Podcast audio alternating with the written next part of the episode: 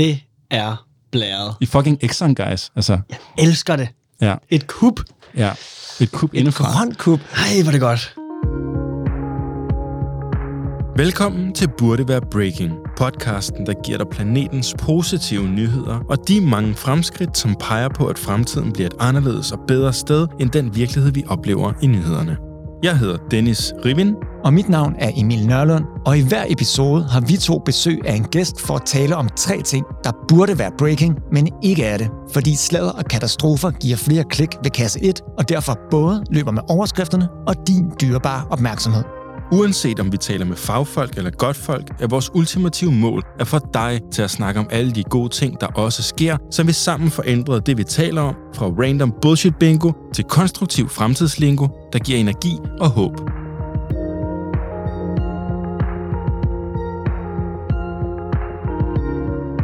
I denne episode er vi så heldige at have besøg af dig, musikproducer og DJ August Finger, også kendt som Elok Ho. Jeg glemte lige noget. August Finger Jansson. Svenskeren. Jamen, hvad er det for noget? Er du svensker? Ja, ja. Nå. Jamen, er noget, du er stolt af?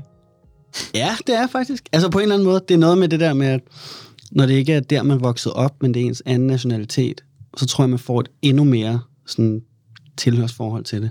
Hmm. Og så bliver man bliver drillet meget som, uh, som svensker, som ung. Ikke?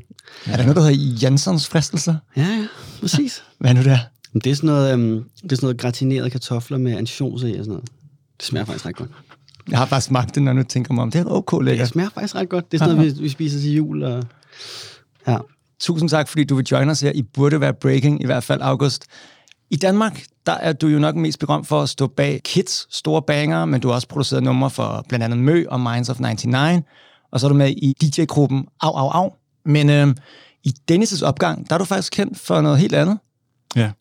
Der er du kendt for, uh, correct me if I'm wrong, at bo på, er det tredje til venstre? ja, præcis. Der bor jeg også selv Meget min kendt for at bo på tredje til Ja. venstre. Der er lækkert på tredje til venstre. Ja. Og altså uofficielt, så er August jo kendt øh, altså hos os som værende verdens øh, måske øh, top 3 babysitter. ja. Ja. August er helt den, man ligesom ringer til, når familien bare er ved at krakelere, og det hele er fucked med fuck på, altså. Baby saver. Men du har faktisk også en anden hemmelig karriere, uh, udover babysitter, ikke? Du er spiltester for Nintendo. Ja. Og det er jo sådan lidt af en drengedrøm for mig personligt i hvert fald. Så, så hvordan bliver man lige det, sådan en spiltester for legendariske Nintendo? Ja, altså man kan sige, der er jo, der er jo faktisk lidt løgn i den titel. Nå, Nå. Men der er også meget sandhed. Øhm, det er, jeg er ikke spiltester, men øhm, man kan jo godt kalde mig for en eller anden form for, øh, for spilanmelder. Mm. Øhm, mig og Nintendo kom i kontakt øhm, for nogle år siden. Øh, jeg er kæmpe Nintendo-fan, og øh, det har jeg givet til udtryk for i næsten alle interviews, jeg har lavet. Der kommer man lige ind på det. Der er masser af Nintendo-lyd med i min musik. Øhm, jeg deler meget om Nintendo og min glæde for det, og hvis der sker noget nyt, så deler jeg nyhederne. Altså, det, det har hele tiden fyldt noget. Mm. Og så snakkede vi bare lidt sammen, og de var sådan, prøv at høre, øhm, altså, vi kan jo ikke, vi, altså, vi kan ikke tilbyde dig sådan et job eller noget, men du tydeligvis, så snakker du jo om os hele tiden. Så skal vi ikke bare sende dig spil, når de kommer? Og så går vi bare ud fra, at du nok selvfølgelig snakker om. Så det er lidt den deal, vi kører. Mm. Det er, Spilfluencer. jeg er en spilfluencer.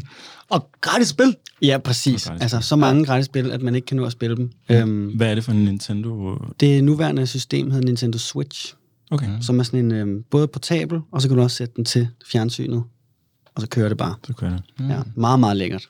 Okay. Meget, meget lækkert. Hvor mange timer om ugen bruger du det? Men det, det går lidt i bølger, føler jeg. Det er sådan, nogle gange, så er det bare 3-4 timer hver dag, og så nogle gange er det 0 timer hver dag. Altså det er sådan lidt, det kommer i sådan nogle store hug, hvor jeg kan mærke, okay, nu er hjernen klar. Jeg har det meget med, at, at man skal være klar til at spille. Mm. Tit, hvis det ikke er bare sådan noget Mario Kart eller et eller andet Smash Brothers spil, så skal man være klar op i hovedet. Hvad er så det bedste spil i, i nyere tid, som du har øh, testet eller gamet? Ja. Det er Zelda Breath of the Wild, som er det nyeste, der kom til Switch af deres store 3D-spil. Mm. Det lancerede de sammen med Nintendo Switch, og det røg ligesom op på toppen af, hvad siger man, sådan noget Gamescore, eller alle anmeldelser og sådan noget. Det er så godt, det spil. Så jeg har lige siden da gået og ventet på toeren, Og her om fire dage, der er der E3, som er en kæmpe spilmesse, hvor Nintendo har sagt, at øh, hey, vi kommer med til den her spilmesse. Det gjorde vi ikke sidste år. Øh, Og vi vil gerne lige fortælle lidt om nogle nye ting. Og der ved alle bare, okay, nu kommer den. Okay. Nu kommer Breath of the Wild 2-nyhederne, som vi har ventet på. Vi skal have en release-dato. Og jeg glæder mig helt vildt. Jeg kan næsten ikke. Og hvad, er det, hvad, hvad, hvad kunne blive bedre? Altså grafikken, eller hvad, hvad, hvad, hvad kan man forvente mere af et spil? Man vil, man vil bare have mere. er? Ja, okay. Altså, man, fordi det er perfekt. Altså, det ser godt ud. Det er godt gameplay. Man vil bare have mere af det. Det, det er sådan set, okay. det er sådan set bare det. okay. Så det er en umættelig Ja. tørst. Præcis. Altså, altså, Dennis, har du nogensinde spillet Zelda? Du kommer fra Nej, Ukraine, så man nej, kan ikke altid ikke. gå ud fra, at du har prøvet alting. Okay. Jeg har spillet Zelda 1 på, på Nintendo Box mm. i midt-80'erne, føler jeg. Det, Ja. var, det kunne godt forbedres. Det, det kunne det godt, men Og det blev det. også, det blev det også igennem mange, ikke? men kæft, man også en, en basker, altså. Jamen, det, var også, det var ikke uden grund, det hed The Legend of Zelda. Ikke? Mm. Det, var, det er legendarisk, men må lige høre, det? hvis, nu, nu, nu kan jeg jo godt lide øh, et andet spil. Fodbold. Mm. Der er altid sådan noget lidt af Real Madrid, Barcelona er ude efter de bedste spillere. Mm. Hvad nu hvis Sega, Nintendos store konkurrent, kom og viftede og, men jeg ved ikke, et sædel, mm. sædelbund eller nogle spil eller nogle særlige ting foran dig? Altså kunne de godt stjæle dig fra Nintendo? Øh, nej, jeg ved, øh, Playstation har været ude med riven en gang, og jeg har faktisk også lavet noget med dem en gang, og øh, så har jeg faktisk også bare sagt til dem, at øh, det kan jeg ikke. Øh, det, det er lige meget, hvor mange mm. penge, øh, der er i det. Det er sådan noget Allegiance. Det er Allegiance, Ja. ja. fuldstændig. Øh, så det, den, der er jeg meget lojal. Du er en one-club-player, som man vil sige. Er det, det må man sige, ja. Stærkt.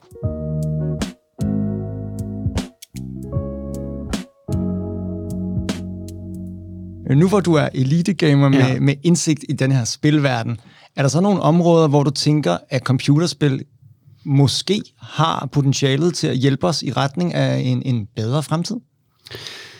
Det tror jeg. Øh, det tror jeg allerede, de er i gang med øh, på mange forskellige plan. Øh, gaming som medie er for mig en eller anden form for, øh, for det ultimative medie, fordi det indeholder alle de andre medier, og det kan indeholde dem på kryds og tværs og sådan noget. Ikke? Så det er både en bog, øh, der er næsten altid en forfatter på, det er et musikmedie, det er et øh, filmmedie, og det er et interaktivt medie, og det er, altså du ved, det er alle de her ting på samme tid. Så mulighederne for, hvad man kan bruge det til, er jo lidt endeløse, kan man sige. Jeg ved, at der er mange spil, der allerede nu er påbevist og bekæmpe rigtig mange depression, øhm, nedsætter angst og stresshormoner. Det er modbevist mange gange, at du ikke går ud og skyder en skole ned, fordi du spiller Counter-Strike. Mm. Derimod så øhm, gør det, at du holder dine reflekser vågne, og at du faktisk ud, udløser nogle hormoner, som er gode for kroppen og sådan noget. Så ja, Det, det er først lige nu, jeg kommer i tanke om det her, men sidste år, der var der faktisk en case, hvor FDA, altså den amerikanske lægemiddel fødevarestyrelse, whatever, for første gang nogensinde, så godkendte de et computerspil som værende receptpligtig medicin øh, i forbindelse med øh, ADHD, Okay. tror jeg, hvor de faktisk deciderede, mm. der var bare så, så tydelige resultater. Hvis du spiller det her, så, så Ja. jeg kan ikke lige huske, hvad det var, om man, man ligesom fokuserer bedre, eller slapper mere af, eller et eller andet. Der var et eller andet, men det er det. Og det er jeg, faktisk ret vildt, ja. Jeg tror virkelig, at vi, vi bevæger os hen imod en tid, hvor det er jo også en ny ting. Altså, egentlig er gaming noget, der har eksisteret rigtigt i, i 40 år måske. Max 30 måske. Så det er jo nyt, og øh, jeg har bare fuld tro på, at det her, det, det er bare lækkert og godt. Og øh, når vi ser på VR for eksempel, og mulighederne inden for det, og når vi ser på AR, øh, mulighederne inden for det. Virtual reality, augmented reality. Lige Bare, præcis. jeg, jeg, jeg er lytterne, så jeg kan Ja, jamen, det er rigtigt. Augmented reality hvor du kan se virkeligheden, og så dukker der noget op i den. Og virtual reality mm. er, hvor du bare er fuldkommen inde i Immersed. immersed. Ikke? Ja.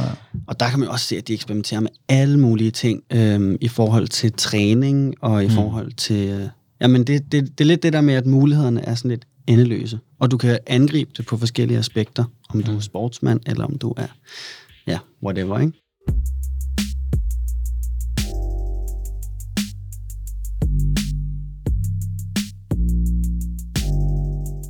Jeg mega, mega, mega gerne høre dig, August, om det her, der skete, det skete sidste år, men, men fusionen, tænker jeg, af dine to primære verdener, udover øh, du ved, hockey og Sverige og sådan, men så, så øh, hvad hedder det, øh, musik og spil, synes jeg, det er mindblowing, hvad der er sket i øh, Fortnite hvor øh, de har gjort det to gange nu, men sidste år var der ham her, rapperen Travis Scott, som afholdt en koncert inde i spillet Fortnite, som er sådan et multi, multi, multiplayer-spil, der er mange millioner mennesker, der spiller det samtidig, og som er sådan et, hvad hedder sådan noget, Endless World Game-agtigt, hvor du bare, du ved, fyrer den af.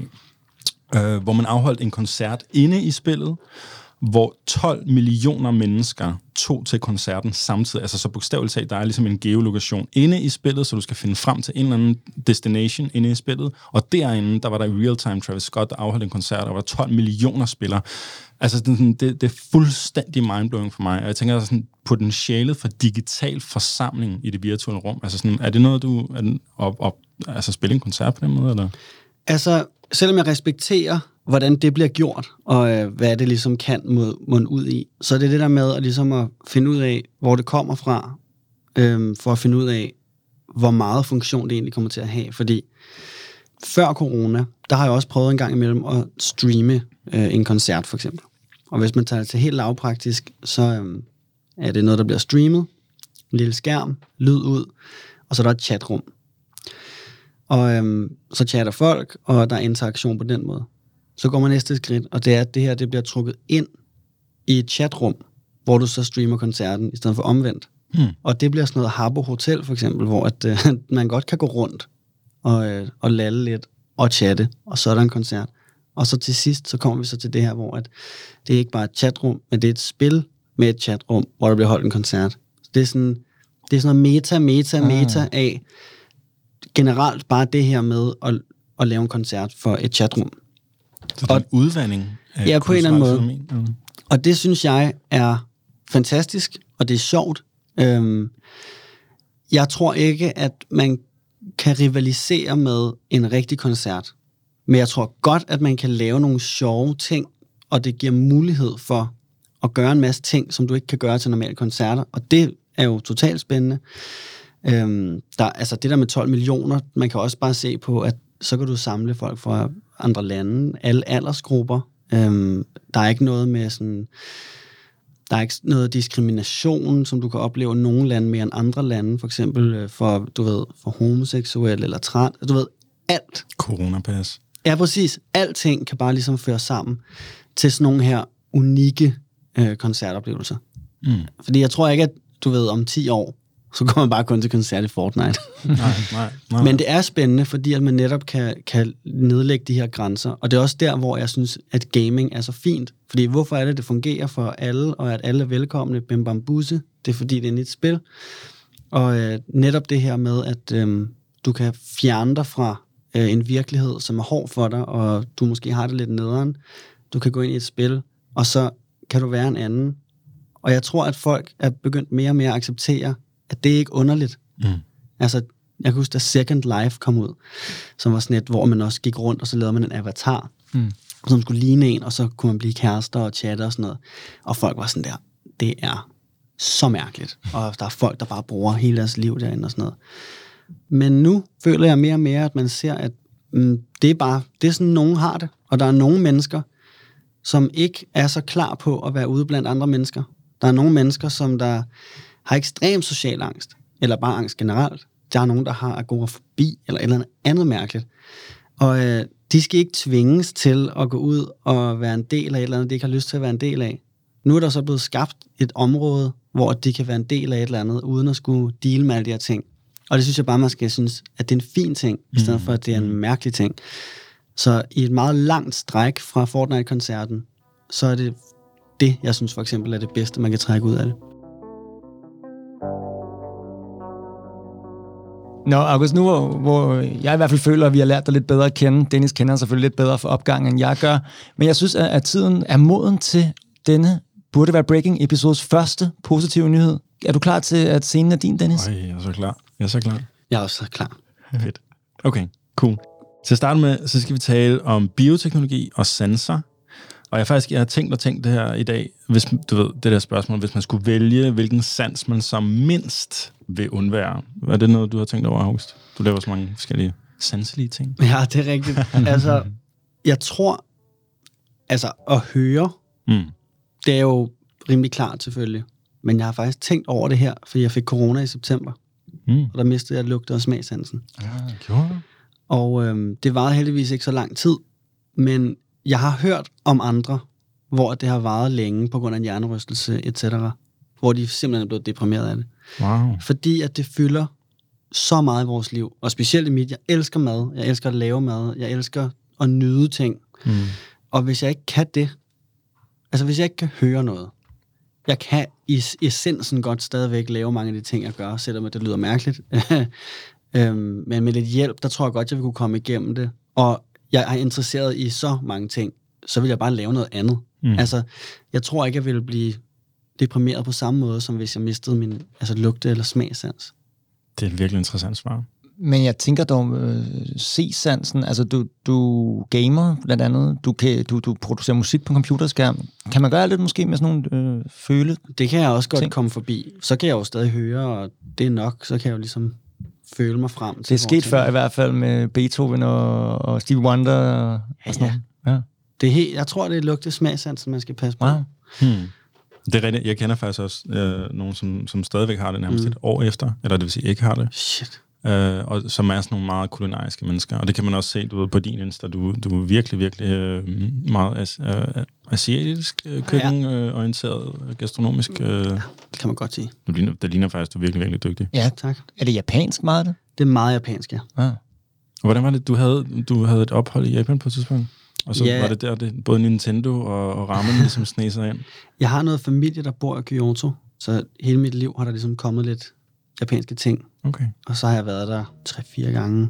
Men ja, altså, der har hele tiden været sådan en japanofil ting, øh, siden jeg var lille. Japanofil. Ja.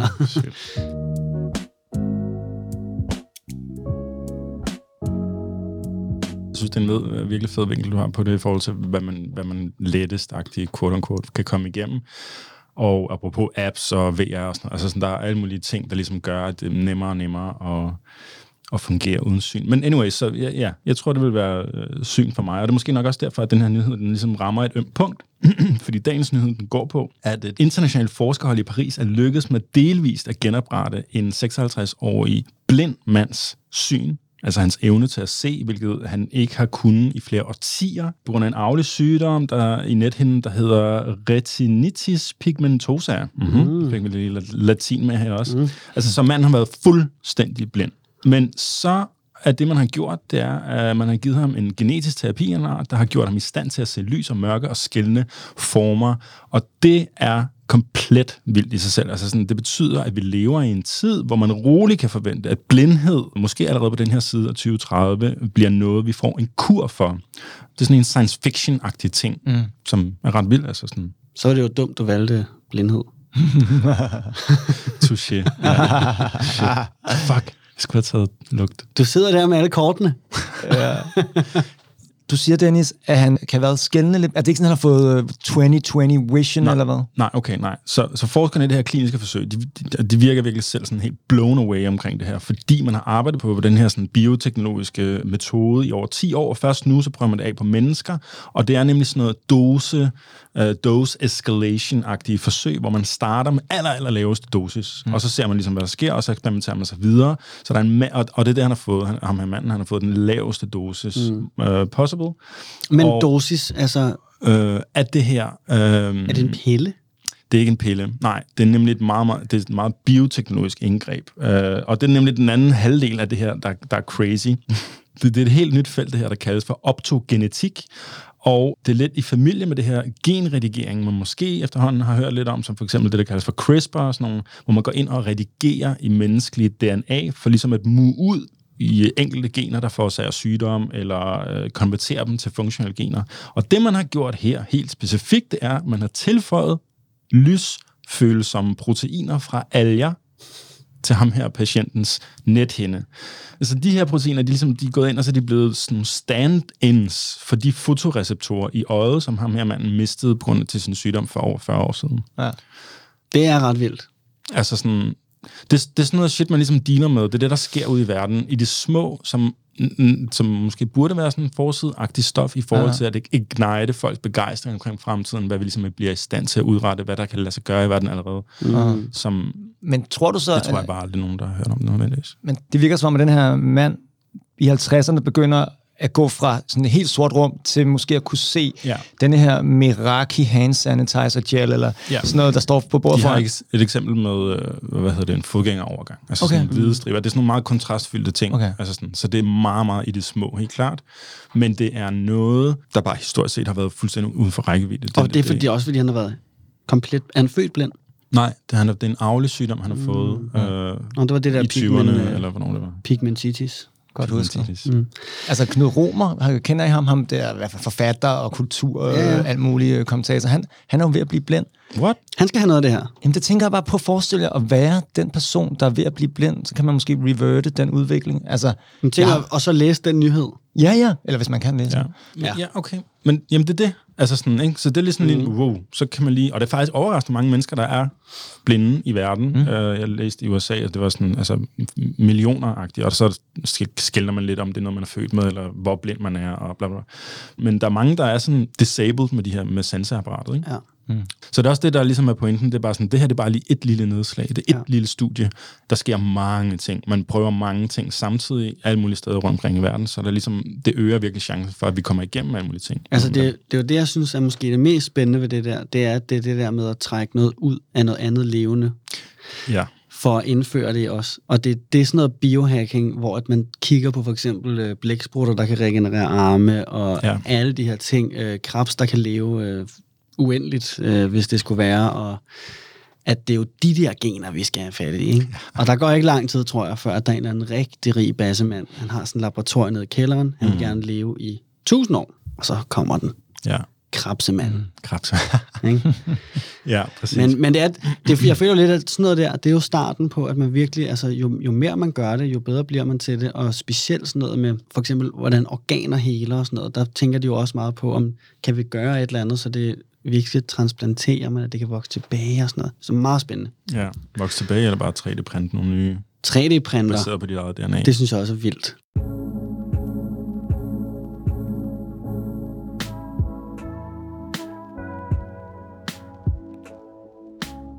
Dennis, tak for den første positive nyhed i den her episode. Inden vi skal til den næste, og du er godt allerede begyndt at lige forberede dig, så vil jeg gerne lige høre August om lidt mere, hvis det er okay med dig, August. Kør. Du er jo også DJ, altså du er musikproducer, men også DJ. Og så tænker jeg bare, selvom pandemien har været noget af en showstopper, kan man godt sige, bogstaveligt talt, har du så kunne bruge det til noget, at der er blevet sådan vendt op og ned på en meget stor bestanddel af din hverdag? Har du, mm. har, har du kunne bruge det til et eller andet, eller har det været rent lort? Altså, øh, det har faktisk været meget lækkert, fordi at musikproduceren i mig har fået mere tid, og øh, der er en masse ting, som jeg kan bruge min tid på. For eksempel serier og filmmusik har fyldt rigtig meget øh, de sidste to år. Så det er en eller anden perfekt transition til, at det tager rigtig meget tid, og jeg har rigtig meget tid. Mm. Jeg skal ikke tænke på et eller andet live-set, jeg skal ikke flyve til et eller andet land i Europa, jeg skal ikke øh, tænke på et eller andet event. Mm. Øhm, og det synes jeg på en eller anden måde, også øh, for bare generelt mit liv, er meget rart. Der kommer så meget fokus på det her, som jeg faktisk gerne vil have, mit eftermæle bliver en større del. Serie og filmmusik. Mm. Du har også vundet en Robert. Jeg har fandme vundet Robert. Brakland hed den film. Ja, sammen Ja. med Au Au. Ja. Øh, så på en eller anden måde synes jeg, det var, det var rigtig rart, at jeg ikke har skulle DJ. Mm. Jeg kan godt lide at DJ og savner det, men det, at jeg har haft tid til alt det andet her, det har været sådan en eller anden gave fra... Der er en veninde, der har introduceret mig for øh, et begreb, som jeg tror, hun selv har opfundet. Fear of opening up. Kan vi forkorte det til det modsatte af FOMO? Fope. Ja, Fope. Ja. Ja. Når alting bliver back to normal, så skal du jo vel ud og spænde some plates. Kan, kan det godt være lidt mm, angstprovokerende på en måde også at skulle tilbage til normalen? Ja, altså, jeg har tænkt over det, men jeg tror bare, at det bliver fedt. Mm. Også fordi DJ'ing for mig er det nemmeste i verden. Jeg har gjort det i så mange år, og jeg er så tryg ved den situation, at jeg står her, og der er en masse fulde mennesker der. Altså, det er så normalt for mig, at det bliver ligesom at gå ud og drikke en øl på en eller anden måde. Mm. Så jeg glæder mig faktisk bare helt vildt. Mm. Altså, der, der er en ting, jeg ikke glæder mig til, og det er det her med, at jeg skal sidde og lave spillelister og, og, og tænke over, hvad jeg skal spille og sådan noget. Det er kedeligt. Fordi at man altid ændrer det også, når man står der, men, men det der med sådan dagen op til, man skal spille og sådan noget, det, det er altid sådan lidt, lidt boring. Men selve det at bare komme ud, drikke øl, spille musik, være en del af en fest, og sådan, ja, det bliver sgu lækkert altså. Vi glæder os til at måske få øh, mulighed for at, igen at indtage et dansegulv, hvor øh, Det, Det er dig, der. nok, nok få lov til. spiller musikken. Er du game på endnu en, øh, en positiv nyhed? mm-hmm. Dennis, er, er du... Øh, Ja, Emil, jeg er klar. Jeg er klar. jamen altså, jeg kan ikke nå fuld af mine sætninger, så Nej. klar er du, så fyr den af. Ej, det sagde man ikke, vel? Jo, man gjorde. Det gjorde du lige. Jeg siger det også, fyr den af. Fair enough. Ja, godt så. Okay. Jamen, øh, det her emne, guys, det er wild. Det er wild science, og det er sådan lidt sådan en fremtidsteknologi, vi har at gøre med her, som vi mennesker har opnået, mens vi stadig er på sådan et industrielt reptilstadie. Og så har vi bare lynhurtigt weaponized den og, og dræbt en masse mennesker, og så først bagefter, så er vi bare sådan, nå, okay, okay men hvad kan det ellers? Og øh, nå, okay, de kan lave bare elektricitet. Mm, Cool. Mm, Skal vi så øh, bruge, du ved, alt vores 1950'er snille på at bygge nogle kraftværker, og så bare lade være med at nytænke deres designs forever? Jo, det synes alle var en mega god idé. Og så står vi her et par nedsmeltninger senere, og det er måske lidt en ladet intro, men jeg vil gerne lige høre jeres sådan helt umiddelbare top of mind. Hvad er jeres holdning til atomkraft? August? Det var fedt. Det var en fed, øh, et fedt oplæg til den. Ja. Altså, jeg synes jo, at det er ligesom bevist, hvor meget energi der er i det. Så det handler jo bare om, for helvede, være åbne for, hvordan I gør det bedst muligt, og sætte en masse forskere og penge til at, ligesom at, at løse det problem. Det er så simpelt. Jeg ved, at det hele handler om, at der findes nogle andre mennesker, som der laver noget andet slags energi, som synes, det er en vildt dårlig idé. Ja. Og jeg ved, at der er kommet en masse forskerpapirer ud, sådan nogle, du ved, i sådan nogle journals og, du ved, Science Weekly og, øh, siden 60'erne, hvor at der er en hel masse, der siger alt muligt dårligt, og så finder man ud af et eller andet skjult dokument. Nå, men det er Exxon, der har betalt oh. ham her lægen, ikke? eller ja. ham her scientisten. Ikke? Og det er så sort på hvidt, at øh, det næsten er pinligt, hmm. ligesom med så meget andet, Mm. at, øh, at man kan lobby ting ned så nemt. ja. Man skal nok lige vide, at Exxon er Olie. måske verdens største olie. Det er top 4 olie gas selskab. Ja, det var top of the head. Jeg er ikke sikker, om det var Exxon. Det synes jeg var meget, meget oplyst, øh, vidende, top of mind Ja, det synes jeg Det du ligesom er inde på, det er et ekstremt stigmatiseret felt. Mm. Eller sådan, ikke? De har jo i hvert fald fået masser af ammunition for at kunne lægge det ned, uden at ligesom gå ind i, jamen, hvad ville der ske, hvis det var det omvendt, at vi faktisk åbnede op for den her æske, og så begyndte at finde ud af, hvordan gør vi det, sådan, så det bliver mm. nice, uden nedsmeltninger, og vi finder en god løsning af det der, ikke? Og nu kommer den, kan jeg mærke. Åh, oh, nej. Ja, okay. Ja, det er selvfølgelig lidt en... Uh... Hvad siger du, Emil, egentlig? Ja. Nej, tak, atomkraftforældre. Jamen, jeg er vokset op med gule klistermærker Ja, det- med, med en sol, der siger, ja præcis, øh, atomkraft, nej tak, og det, det klistermærke øh, var alle steder. Vi har stadig nogle ubrugte nogen, og jeg synes, det er en meget nice t-shirt, der også er lavet med det, men jeg tror, problemet er lidt, at der er nogen, der har set det som deres mærkesag i livet, at gå kontra atomkraft tilbage i 60'erne og 70'erne, og de har rigtig svært ved at ændre det op i hovedet. Og jeg tror, at mange af de mennesker, de var måske øh, ja, sådan hippieagtige dengang, men så langsomt er de tricklet op i samfundet og bestrider nogle ret høje positioner nu. Hmm. Og jeg tror faktisk, at de har svært ved at anerkende, at de var så forkert dengang, for det er nærmest hele deres liv, der så skal tages op til revision. Mm. Så, så de vil se så dumme ud. Jeg er ikke i tvivl om, at atomkraft øh, er, den vej, vi skal gå. Det er faktisk en virkelig interessant pointe, det der. Altså sådan, jeg tror godt, eller jeg vil godt selv kunne relatere til det der, hvis der ligesom er noget, jeg har opponeret virkelig kraftigt imod i min ungdom, og så sidde der som 50-60 år eller et eller andet, og bare få blive fortalt, bare sådan, prøv at høre, du tog fuldstændig fejl. Ja, Det må virkelig være svært, faktisk. Altså sådan, ja, ja. Det man godt hører jo også, at det bliver sværere med alderen.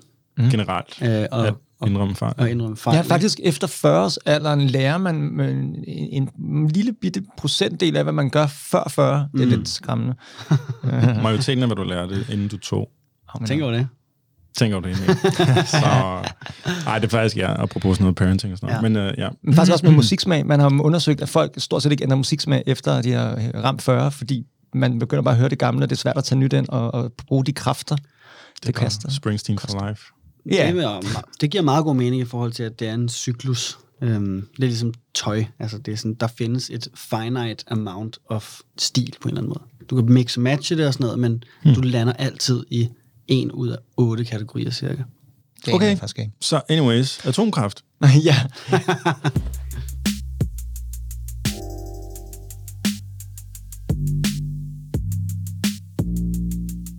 Okay, så det er fuldstændig rigtigt. I er inde på det. Det er det. Man skal forestille sig en anderledes og bedre fremtid, hvor der eksisterer nogle teknologier. Og lige præcis når det kommer til atomkraftværker, så er det det her med nytænkningen.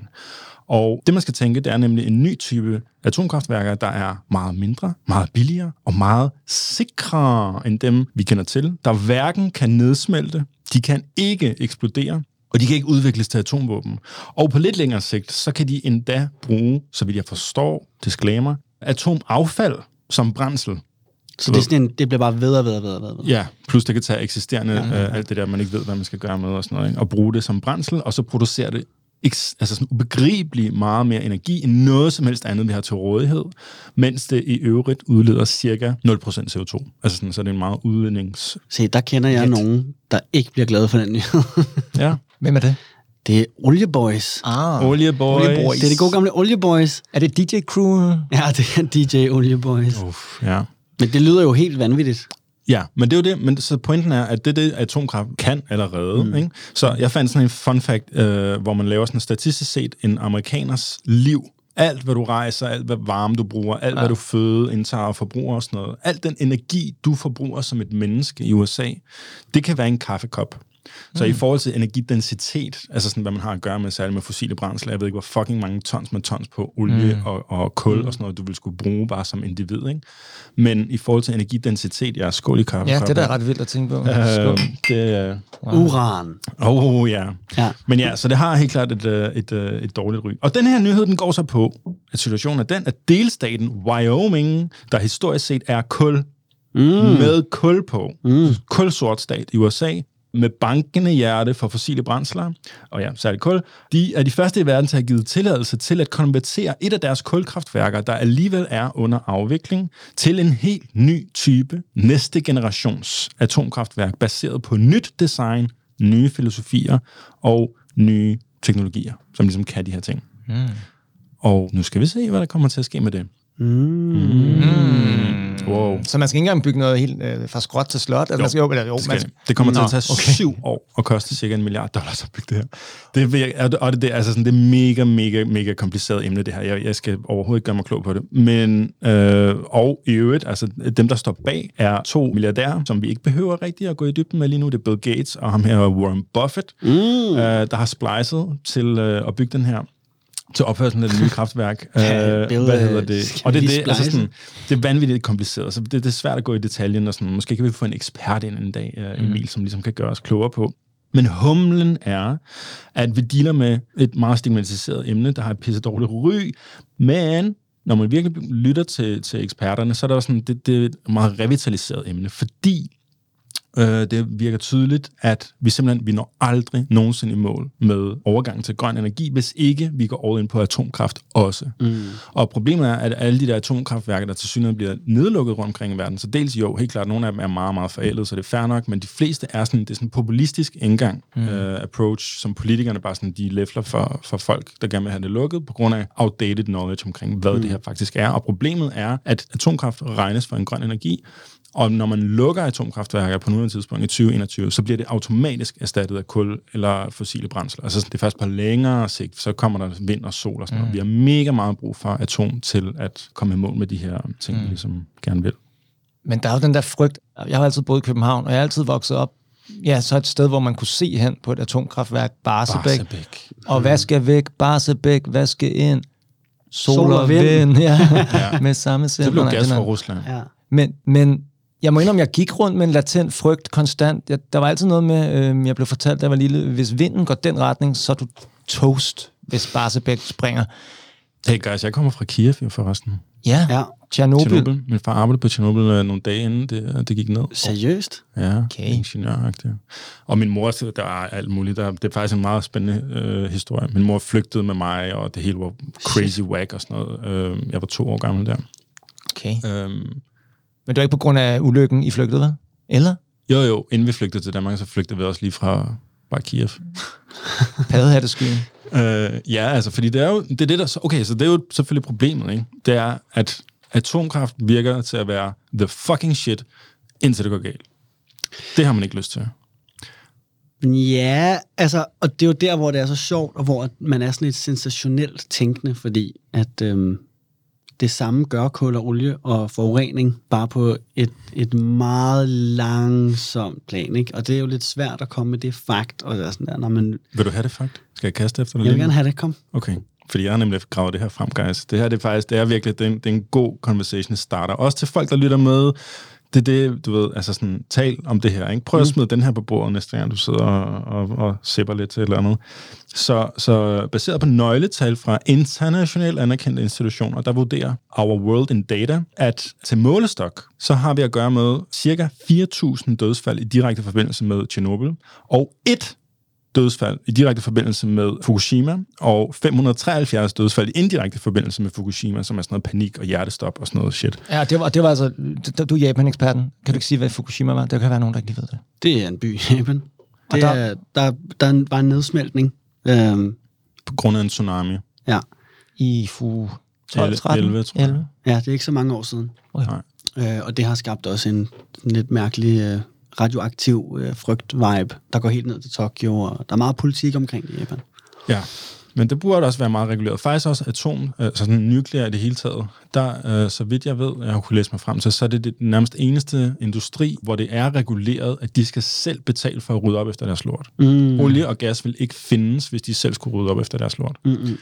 Til sammenligning, så ved vi, at der årligt dør omkring 5 millioner mennesker af luftforurening forårsaget af fossile brændsler.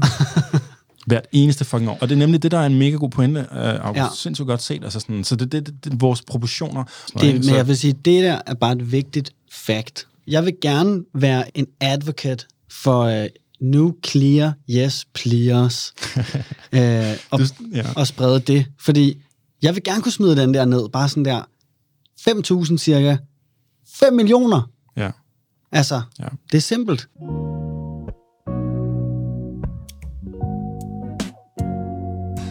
Et lille pro-tip er, apropos Netflix, der er en, øh, der er en serie, der hedder Inside Bill's Brain. Jeg vil ikke sige godt eller ondt om uh, Bill på nuværende tidspunkt. Han er sådan op for... Der er en lille The jury's out. Ja, the jury's out med Bill, altså. Men, uh, hvad hedder det? Den der serie er ret interessant, hvor man, ja, bogstaveligt talt kommer ind i hjernen på ham. Nej, men der, det er tre afsnit, og tredje afsnit handler om hans tanker omkring det her Terra Power, som det mm. hedder, det er den her virksomhed, som skal være med til at drive det her nye atomkraftværk. Mm. Og det er bare ret interessant. Det er den der sådan meget Jeg kan lide det. logiske approach. Ja. Kan vi gøre det bedre? Ja, fordi vi har ikke gjort en skid. Så lad os gøre det, ja. øh, 80 år. Jeg kan, jeg kan godt lide det.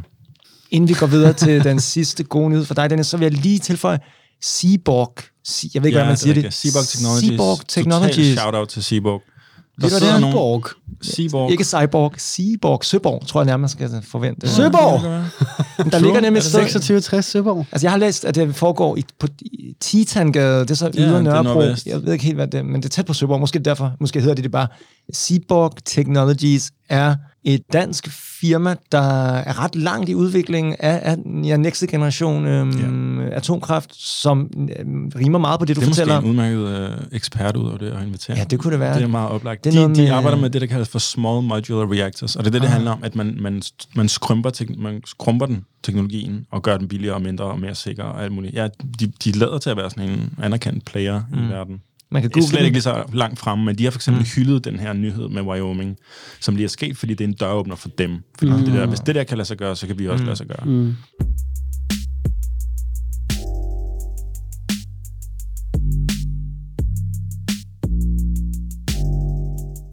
Nu kan jeg godt lide, hvis vi kan høre Ja. din tredje positive nyhed. fordi jeg, jeg sidder og glæder mig, fordi I ved ikke, hvad det handler om, men øh, mm, det er faktisk en perfekt segue, både fra øh, kraft og behovet for grøn energi, og det her med Exxon, vi har været inde på. For det er dejligt at hate på assholes. Mm. Det kan det være. Og, øh, og så er der også en god forestillelse, Emil, fra sidste episode, hvor vi talte med hende af Sisse, vi havde besøgt en psykolog, mm. øh, om climate justice, og at den tyske forfatningsdomstol har beordret tyske politikere at stramme hæftigt op for deres klimahandling, fordi deres nølen simpelthen er decideret brud på menneskerettigheder, mm. i form af, at man nægter fremtidige generationer et værdigt liv. Det er ret vildt, altså sådan, den målestok, vi ligesom er oppe på. Øh, og det, det er bare sejt og spændende og vildt. Og bare siden sidst er der sket faktisk en adskillige forskellige ting. Øh, men i dag, så zoomer vi ind på den ene af dem, og det er aktionæraktivisme. Er det noget, I har erfaring med, nogle af jer? Nej. Aktionæraktivisme. Det lyder vildt. Mm-hmm. Ja, Det lyder som to ens ord ja. I forskellige farver. og den, den skal lige tykke på. Altså, jeg vil, jeg vil mene, at det var to vidt forskellige ord, der gav en sjov øh, synergi, når man parer dem sammen. Det, det lyder godt sammen. Ja. Ja. Dagens eksempel, det handler om en af de absolut værste fossile sønder i verden, som du har været inde på, August. ExxonMobil, som er dem, der forudså CO2's katastrofale konsekvenser for klimaet i 1981 i en intern videnskabelig rapport, og så brugte de efterfølgende årtier på ekstremt effektivt og meget, meget målrettet på at finansiere klimaskepsis. Ikke? Mm-hmm. Og, og det er altså sådan, du ved, de er alle sammen nogle assholes. Det er sådan et klassisk billede på guddyrkelse af profitmaksimering. Mm. Det er bare sådan, det er lige meget hvad, så skal vi bare have flere penge. Mm. Øhm, det, der så er sket, det regnes for at være en ægte game changer, fordi Exxon er blevet kuppet indefra af en klimaaktivistisk hedgefond, der hedder Engine Number One, der har købt sig til 0,02 procent af selskabet, og sidenhen lavet så meget røre og så meget lobbyarbejde blandt de andre aktionærer for vedvarende energi, at det lykkedes dem her for meget, meget nyligt at skubbe tre af Exxons 12 bestyrelsesmedlemmer ud og erstatte dem med tre klimaaktivister. Det er blæret. I fucking Exxon, guys. Altså, Jeg elsker det. ja, Et kub. ja. Et kub indefra. Grøn kub. Ej, hvor er det godt. Hvad, hvad er nu en hedgefond er? En hedgefond er en fond, der investerer med langt større frihed end normale investeringsforeninger. Mm. Og det er det, der er grineren jo altid, når man kommer til, til det her, altså sådan det helt klistrede Ja. ja. spindelvæv inden for finansverdenen. Det er jo, at langt større frihed, det betyder bare, at du er mindre reguleret, og du kan fuck folk højere hårdere.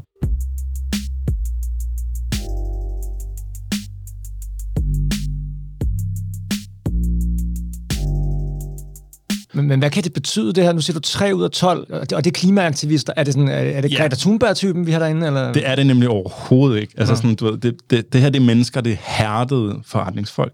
Og nu vil de så ændre virksomhedskurs indefra, øh, og det er, bare, det er bare en big, big deal, altså, mm. som, som, som enhver med klimaangst burde få altså sådan på drop, mm. altså sådan seriøst, mm. øh, og som burde være pels. breaking news dagen lang. Det er, det er faktisk ret vildt. Altså også fordi, at det er det der med at spille deres eget spil bedst på en eller anden måde. Og det er Præcis. det, jeg synes er så blæret. Det er Ja. det der med, at man, okay, hvis det er det her spil, I vil spille, som virker så fuldstændig u... Øh, altså man kan ikke gennemtrænge det.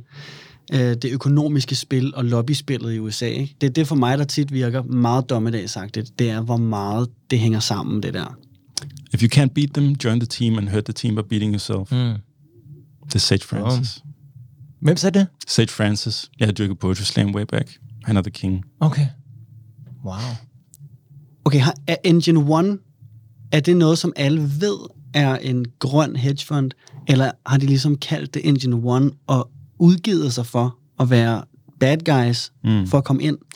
Okay, så der er en meget, meget interessant pointe i det her, som øh, jeg ikke fik nævnt nu. Jeg har aldrig hørt om dem før sidste uge. Men meget, meget vigtigt, det er, at de her mennesker i Engine One, de har været ude og lægge meget klar afstand til ideologien omkring klimaaktivisme.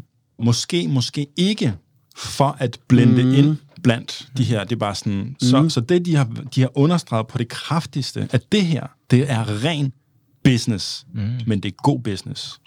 Og, og det, det, det er noget af det, vi har været inde på, Emil, det her med, at der er et mentalitetsskifte. Så det der, jeg synes er sindssygt fedt at fokusere på, det er ikke bare teknologi og videnskab og global udvikling, det er, bare sådan, det er et mentalitetsskifte i verden, hvor folk ser fremtiden som noget, noget andet, altså sådan, og hvad man er i stand til at udrette af alle de her ting.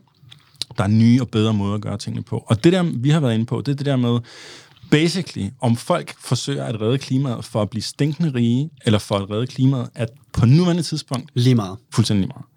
Den profitmaksimerende mentalitets akilleshæl, det er, at de bare gør hvad som helst for penge. Og hvis det begynder at blive mere profitabelt at redde og reparere kloden, i stedet for at ødelægge den, så er det det, de gør. De er fucking ligeglade. Altså. Og det er der, hvor vi er historisk set. Og den flipper, men jeg har aldrig set nærmest så tydeligt et eksempel på, at den flipper. Og de er så direkte i spyttet omkring det. Mm. Det er bare profitabelt, det her, guys. De, mm. I sidder sådan nogle forstokkede fossilister, og bare kører jeres fucking game, som I har gjort det i årtier. Det, Altså man kan sige, så snart at de rige, der vil tjene penge, de er på de grønne side. Altså, du ved, det er det, der gør, at man ved, at det er rigtigt. Det er det, der gør, at man ved, at det er faktum. Mm. Fordi ellers ville de aldrig gøre det. Ja. Altså, de er mestre i at tjene penge. Så man ved ligesom, der hvor de er, det er fordi, de ved, at det er sådan der. Ikke? Ja. Hvis de pludselig rykker over på den anden side, så er det fordi, det netop er skiftet. news. Eller Ja. good news nu. Så er det good news nu. Ja. Så det er good news, at det er rentabelt at være grøn. Ja, og man kan sige, det, jeg vil tro, at det er nogle måske lidt yngre folk, det her. Hedge One, Øh, eller Engine, One, One Fund. Øh, de har nogle profiler, altså sådan, du ved, det er nok mere Gen X end boomers. Jamen, det er det. Men det er nok ikke millennials heller. Nej, men jeg tænker bare, at det, det må også være noget med det der med, at, at vi er i gang med et skift også. Mm. Fordi der er nogle Ja, generationer, generations øh, der er- generelt, ja. ja. fuldstændig diametralt anderledes end de ældre. Og det har jeg tænkt over med mange ting. Altså det, har, det har meget med tolerance at gøre og alt muligt andet, ikke? hvor at der sker meget, når de der bang bang boomers der, de daffer simpelthen. Og det er spændende.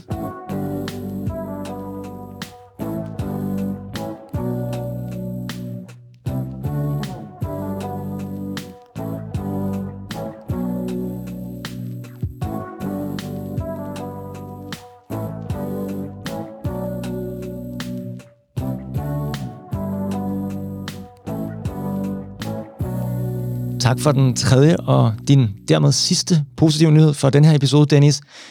August, det der skal ske nu, det er, at vi alle tre faktisk hver især lige skal grænske vores sjæl og finde ud af, hvilken af de her tre nyheder, som Dennis er kommet med, som vi egentlig synes burde sådan mest være breaking. Altså, hvad for en nyhed får du sådan mest lyst til at fortælle videre? Mm. Okay? Okay. Skal vi ikke lige uh, tage en dyb indånding, og så lige mærke efter, hvad der er det rigtige for os? Mm. Ved du det allerede, August? Ja, jeg ved det godt. Det sjove er, at jeg ved, at jeg ikke ved det. Det, det foregår på to plan, det her. Nyhed nummer tre, synes jeg er den største, i forhold til, at de andre ting, det er noget, som der er på vej. Det er opfindelser og teknologi og forskning, som ikke som sådan har de største stopklodser foran sig. Men træeren, det er simpelthen det her kup, det der med, at noget, der virker umuligt, og det er at komme ind under huden i en bestyrelse hos den største olievirksomhed, at komme derind som grøn klimaaktivist. Det synes jeg er vildt. Dermed sagt, så er nyhed nummer to en af de vigtigste nyheder, fordi at der netop har været narrativet fra Exxon om, at atomkraftværk er så dårligt. Så jeg synes, nyhed nummer to, det er den vigtigste. Nyhed nummer tre er den sejeste, men nyhed nummer to, det er den mm. vigtigste, fordi det er vigtigt, at vi får et andet blik på atomkraftværker, og det skal medierne være med til. Derfor skal det på forsiden af avisen. Sejt. Amen. Meget flot resonemang. Ja, det synes jeg var skide godt. Ja, wow. Så kan man jo kun blive en, øh, en bleg efterligning lige pludselig. Det samme, Jeg synes det, det samme som mig. det, det samme som August, øh, August F. Ja. fra, fra, fra 8. øh, 8. C. Wow. Øhm, Ja, ja. Skal vi ikke bare køre med den? det samme. Ja, ja. Jeg er enig. Jeg er fuldstændig enig. ja, ja. Ja, Vi siger ja, det ja, samme ja, ja, ja. Fedt, mand. Altså, der er ikke så meget ild tilbage i det her studie, så hvorfor bruge det sidste på at sige det samme? Jeg synes, når der kommer de der tal på bordet, det der med, at du kan lige sidde til middagsselskabet, hvis der er en, der kommer og siger sådan et eller andet, jamen bummelum, og det er farlig radioaktivitet, så kan du bare sidde og sige, der er nogle tal her, 5 millioner på et år versus lidt ved 5.000 all time og sådan noget. Mm. Jeg synes, det, det giver nogle gode sådan, for at sprede ordet om, mm. prøv at høre, hvis vi skal redde planeten i en vis fart, så er det altså her, vi går i gang. Fordi vi kan ikke få folk til at bruge mindre penge på alt muligt lort.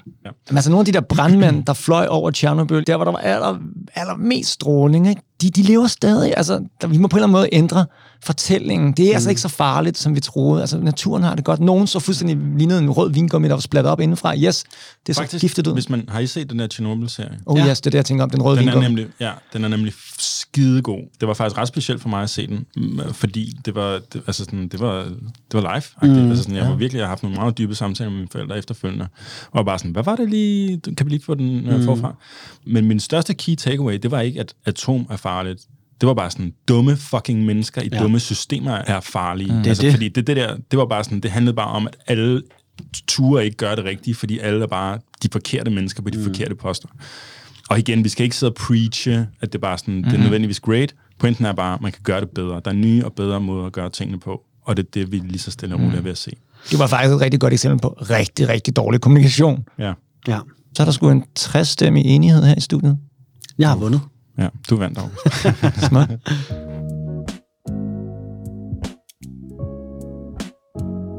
Vi er enige her i studiet, men det er jo bare vores øh, sammenrend af ydmyge meninger, der ja, sjovt nok ender i en konsensus i den her episode. Men hvad synes du som lytter? Det vil vi rigtig gerne vide, så derfor har vi lavet en post med de tre positive nyheder inde på vores Instagram, hvor du kan vælge din favorit. Det du allerhelst vil fortælle videre er godt nyt. Vores Instagram hedder som altid burde være breaking, og du finder den her sæson 2, som du lytter til nu, via link i bio.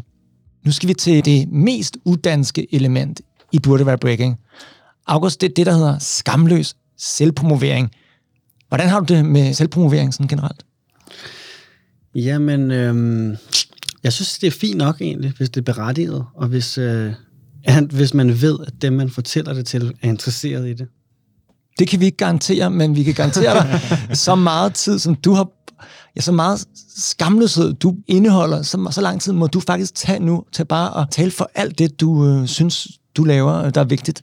Jamen altså, jeg tror bare, at øh, jeg vil sige, at hvis man godt kan lide øh, det, jeg laver, så kan man jo bare glæde sig, fordi at øh, der kommer en hel masse med alle de projekter, jeg har gang i. Øh, en E-Log-album er snart færdigt. Vi har et Chef Records 10 års jubilæum med et album. Jeg laver seriemusik, så øh, det er blandt andet øh, Borgen og en øh, Netflix-serie, som kommer næste år. Øh, sammen med Au Au, der laver vi musik til endnu en spillefilm, som Martin Skovbjerg instruerer. Og vi laver også musik til en øh, dokumentar, som er meget spændende, som øh, der kommer flere nyheder om. Fedt. Tusind tak for dit besøg, og du havde tid til os i dag. August Finger Jansson, Jo. halv svensker, ja, præcis. helt DJ, helt producer. Det var en fornøjelse. Kæmpe Tusind fornøjelse. tak, fordi jeg måtte Fedt. være med. Gode nyheder. Ud og del dem. Nuclear. Yes, clear.